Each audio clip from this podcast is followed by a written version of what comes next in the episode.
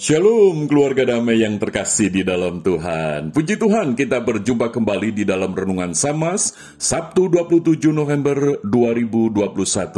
Tema yang kita renungkan, dalam penderitaan iman dimurnikan. Firman Tuhan terambil di dalam Injil Lukas pasal 21 ayat 20 sampai 24 demikian firman Tuhan. Apabila kamu melihat Yerusalem dikepung oleh tentara-tentara, ketahuilah bahwa keruntuhannya sudah dekat.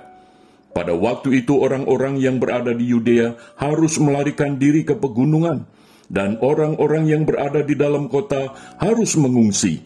Dan orang-orang yang berada di pedusunan jangan masuk lagi ke dalam kota, sebab itulah masa pembalasan di mana akan genap semua yang ada tertulis Celakalah ibu-ibu yang sedang hamil atau yang menyusukan bayi pada masa itu, sebab akan datang kesesakan yang dahsyat atas seluruh negeri dan murka atas bangsa ini. Dan mereka akan tewas oleh mata pedang dan dibawa sebagai tawanan ke segala bangsa. Dan Yerusalem akan diinjak-injak oleh bangsa-bangsa yang tidak mengenal Allah, sampai genaplah zaman bangsa-bangsa itu. Sedemikian jauh pembacaan firman Tuhan.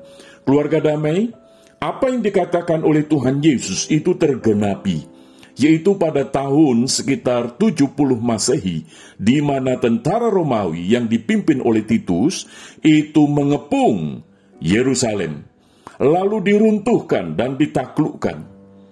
Dan ini menimbulkan satu penderitaan bagi umat Israel. Keluarga damai, penderitaan itu terjadi. Dan melalui apa yang difirmankan oleh Tuhan Yesus, seakan-akan penderitaan itu diizinkan, dialami oleh setiap orang yang beriman. Mengapa demikian? Supaya imannya itu semakin dimurnikan. Seperti emas, diuji kemurniannya dengan api, bukan dengan air, bukan dengan yang lain, tetapi dengan api iman kita pun juga dimurnikan melalui penderitaan. Maka itu kalau kita melihat di dalam ayat yang ke-20, di mana umat Tuhan itu membanggakan kota Yerusalem sebagai kota Daud. Diagung-agungkan karena ada bait Allah di sana. Tetapi tiba waktunya, apa yang dibanggakan itu tidak lagi bisa dibanggakan karena Yerusalem diruntuhkan. Jadi ini memberikan satu pembelajaran. Ketika kita membanggakan kepada sesuatu yang kita miliki, ternyata melalui penderitaan itu mengajarkan kepada kita bahwa apa yang kita miliki itu tidak bisa memberikan jaminan di dalam hidup kita. Maka itu melalui penderitaan kita diajarkan bagaimana kita harus bergantung terhadap kehidupan bahwa hanya Tuhan yang menjamin kehidupan kita. Lalu di dalam ayat 21 kita bisa melihat di sana bahwa Tuhan Yesus menjelaskan orang-orang itu melarikan diri. Ketika di dalam pengungsian, mereka itu penuh dengan ketakutan. Seakan-akan tidak bisa lagi melihat hari depan itu apakah masih ada atau tidak. Dan itu membawa satu penderitaan di dalam hidup umat Tuhan.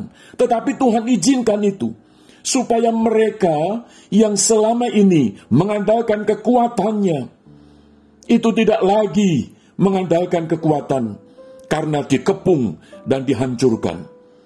Lalu kepada siapa? Menaruh harapan hanya kepada Tuhan. Sehingga melalui penderitaan itu menyadarkan bahwa setiap umat bukan lagi mengandalkan kepada kekuatannya, tetapi mengandalkan kepada Tuhan. Dan di dalam ayat yang ke-23 kita bisa melihat ada satu kesesakan yang sangat dahsyat. Ibu-ibu yang sedang hamil atau yang menyusukan bayi pada masa itu ada kesesakan. Ini memberikan satu gambaran bahwa bukan hanya orang tua tetapi juga anak-anak mengalami satu kesesakan yang dahsyat. Kesesakan di sini bukan hanya secara fisik tetapi juga secara mental dan juga secara rohani maka itu iman menjadi sangat penting. Maka Tuhan Yesus sudah memberitakan firman ini, sudah mengingatkan. Seakan-akan Tuhan Yesus sudah menubuatkan dan itu terjadi. Maka ini menjadi pembelajaran bagi kita sekalian. Keluarga damai, ketika kita menghadapi penderitaan di dalam hidup ini, Terlebih lagi di masa pandemi, satu kondisi yang tidak pernah terpikir oleh kita, tetapi itu terjadi di dalam kehidupan kita, di tengah keluarga kita, di tengah pekerjaan kita, di tengah pelayanan kita. Kita percaya bahwa melalui kondisi yang membuat kita ini menderita, biarlah kita tidak kecewa kepada Tuhan, kita tidak marah kepada Tuhan, kita tidak protes kepada Tuhan, tetapi justru di sinilah menyadarkan kita bahwa iman kita ini sedang dimurnikan melalui kondisi yang membuat kita ini menderita. Supaya yang pertama, kita ini mengandalkan Tuhan. Hanya Tuhan saja, bukan dunia ini. Yang kedua, kita menaruh harapan hanya kepada Tuhan saja, bukan kepada manusia.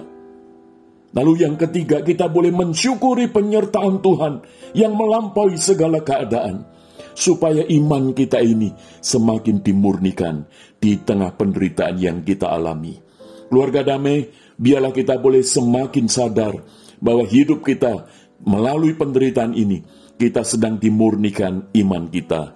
Puji Tuhan, mari kita berdoa.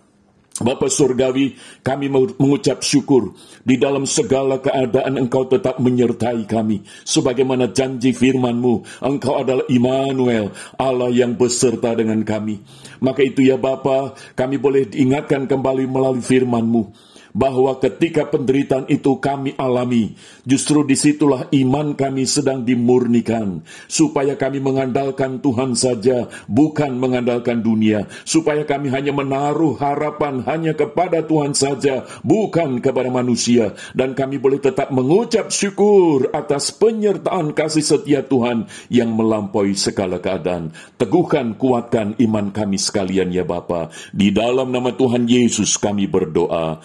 Amin. Keluarga damai, kiranya Tuhan Yesus memberkati kita semua. Amin.